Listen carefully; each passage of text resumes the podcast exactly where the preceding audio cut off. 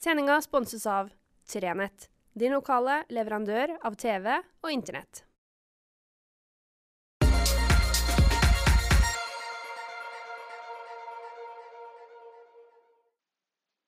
Riktig god fredag. Høsten er altså over oss. Det er liten tvil om det er september er kommet når jeg sitter og ser ut gjennom vinduet her på hytta og ser at trærne begynte å bli gule.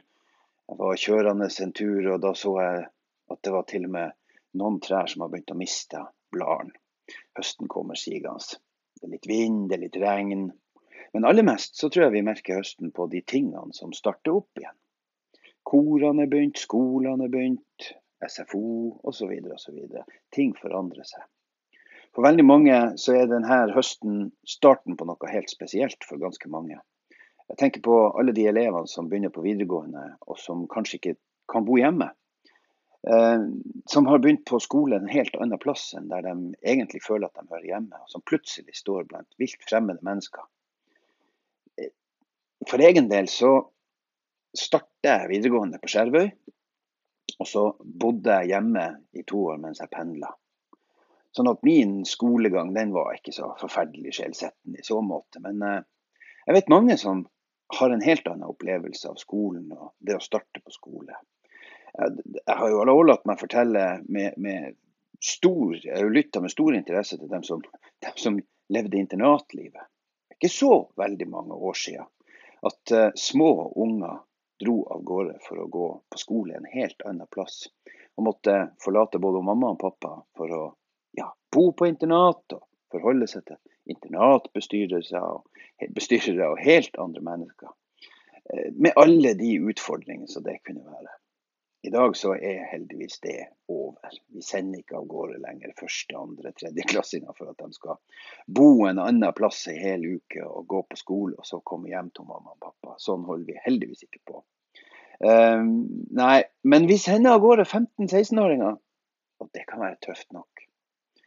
Jeg vet at i mange kommuner gjøres det en helt fantastisk jobb for å ivareta de her ungdommene som kommer. Skjervøy, Nordreisa, Nordkjosbotn, alle plasser der man har videregående skoler. Der gjør man gode jobber for at elevene skal føle seg velkommen og få det til.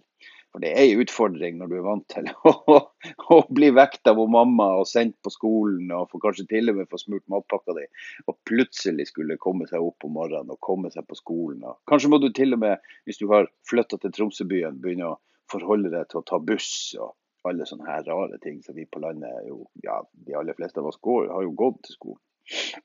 Så der er mye og mangt å lære seg. Men det er jo sånne opplevelser. Det er jo sånne ting som, som er. Og høsten er jo en sånn tid med omveltninger og omstillinger.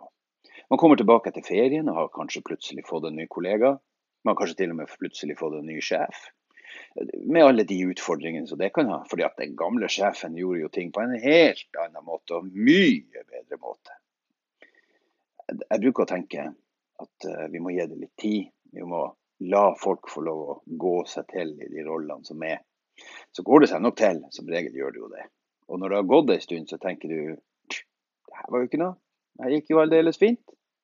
Og så blir man kjent med nye folk, og så viser det seg at her var jo mange som hadde det akkurat like som du sjøl. Nysjefen syntes kanskje det var like skummelt som, som du å komme til denne plassen. Og sånn kan man holde på å snakke om omveltninger. Men det bringer meg inn på de virkelig store omveltningene. Vi, eh, vi har en stor artikkel i eh, dagens papiravis, og vi la ut i går på nett en eh, svær sak om Solhov-raset. Jeg husker den dagen raset gikk. Jeg var på kontoret på Storslett sammen med min daværende sjef han Yngve Nilsen. Og plutselig så kom det melding om at det hadde gått ras på Solhav. I fjæra. Hus var tatt. Man visste ikke om det var gått folk.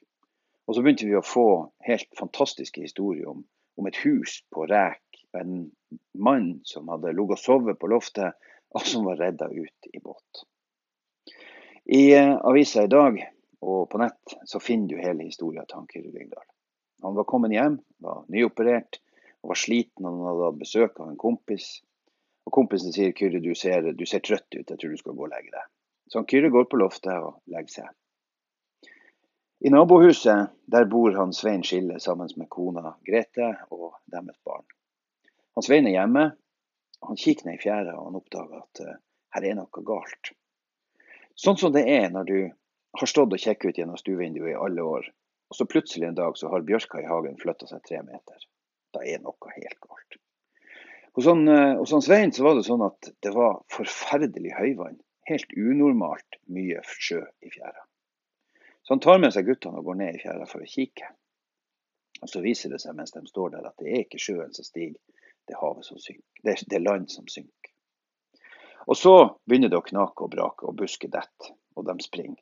Sammen med han Rolf Tøllefsen som driver et uh, båtbyggeri like attmed, så springer de opp på veien og får stoppa trafikken. Og det er bra, for det tar ikke lange tida, så er veien borte. Huset til han Kyrre er borte. Og etter hvert, etter noen dager, så går også huset til han Svein og Grete. Resten av Solhaug blir stående, men for han Rolf Tøllefsen så er det slutten på båtbyggerieventyret i Solhavfjæra. Han eh, kommer aldri ordentlig opp og gå igjen, og drømmen om eh, å levere fjordfangstbåter over hele landet, den stopper opp der. Og så blir det masse bråk. Heldigvis nå i dag så har man kommet mer eller mindre til enighet. Man er ferdig med å skulle skylde på, og man holder på å skal komme i gang med opprydninga. Det er på høy tid. Men jeg tenker, det der er sånne øyeblikk som uh, fester seg. Jeg kan tenke meg at for han uh, Svein og for Grete, og det ser vi òg i, i artikkelen, så husker de i detalj. Og Grete husker i detalj hva som skjedde da Svein ringte, hva hun tenkte, hva hun gjorde. At hun måtte dra og handle, for hun var i Tromsø på jobb hun måtte komme seg jobb, hjem og hun måtte få være til stede sånn at hun kunne bidra.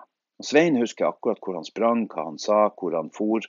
Samme helt sikkert med han Rolf. Og han Kyrre Lyngdal husker akkurat da bokrollen kom ramlende nedover han. Huset og soverommet lå på skakke. Og så husker han hvordan folk kom til med båt og drog han opp så hardt at han knapt var i vannet. Det er sånn med sånne hendelser, tror jeg, at vi husker i detalj akkurat hva som har skjedd. For egen del vet jeg akkurat hva jeg gjorde den dagen de ringte og fortalte meg at mor mi var påkjørt. Jeg husker hva jeg sa til passasjerene hadde i bilen, hva jeg gjorde etterpå og hvordan jeg forholdt meg utover dagen til de mest sterke hendelsene går over i bare sorg. Jeg husker det samme da sønnen min slutta å puste etter bare seks timer eh, nyfødt. Jeg husker akkurat hvordan jeg sprang bortover gangen og hvem som kom til, og, og lykken over at alt gikk godt. Sånne ting fester seg. Det er litt annet med de store opplevelsene som du har, f.eks. i hvert fall for mitt velkommende, Når man er på en fjelltur og man sitter der oppe og man ser solnedgangen eller soloppgangen, eller hva det måtte være, så tenker jeg at det her kommer jeg til å huske resten av livet. Nei, ikke nødvendigvis. Jeg blir kanskje å huske det en stund.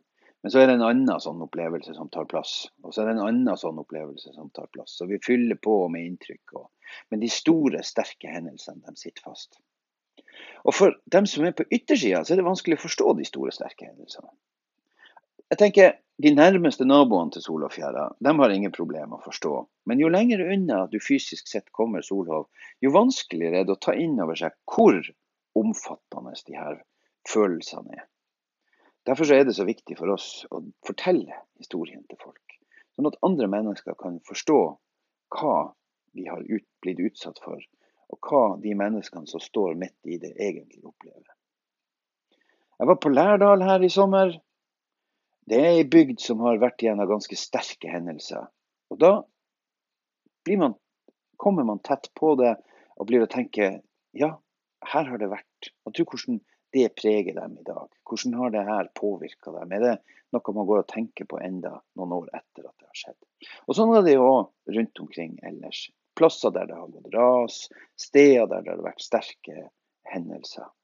Det er et punkt like nord om Skibotn på E6 som jeg aldri kan kjøre forbi uten å tenke på den fatale tragedien der fire mennesker omkommer og et lite barn står igjen i en bilstol midt på veien og har overlevd. Det er sånne plasser som, du, som trigger øyeblikk, og som får tilbake minner, og som du er bevega over når du er på. Solafjæra kommer alltid til å være en sånn plass, tror jeg. Jeg tror alltid at Solhav kommer til å være forbundet selvfølgelig med skolen, men like mye med det raset. Og det som skjedde da, og det som skjedde i årene etterpå.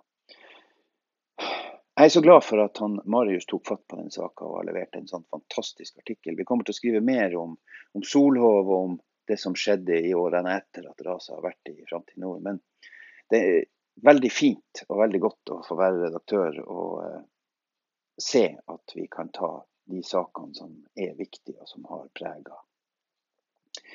Nå skal jeg fortsette å nyte livet på hytta. Det er godt å kunne slappe av og ta det med ro det håper jeg dere også gjør. Jeg har valgt å ta meg en liten sånn eh, litt for meg sjøl-tid. litt sånn eh, en gryende influensaane. Eh, da skal man ikke ta noen sjanser, så da trekker man seg litt unna. Jeg har muligheten til å gjøre det i trygge omgivelser og se litt på om ikke det her går helt fint. og Det tror jeg ganske sikkert at det gjør. Det er bare litt snørr og gørr, men i all verdens navn det er, det er, mye å tenke på i disse dager med smittevern og munnmaske. Og det er liksom ikke måte på hva vi er nødt til å ta inn over oss. Eh, kunne ha sagt mye om det òg. Jeg kan jo si så mye som at jeg tror kanskje det er på tide at myndighetene tenker litt igjennom denne skjenkestoppen klokka tolv. Der, sånn, der, er jeg litt usikker, rett og slett. Men vi skal ikke gå inn på selve den nå. Nå skal jeg ønske dere en riktig, riktig god helg. Jeg håper dere får det flott og fint uansett hvor dere er i eh, kongeriket. Og så høres vi snart igjen.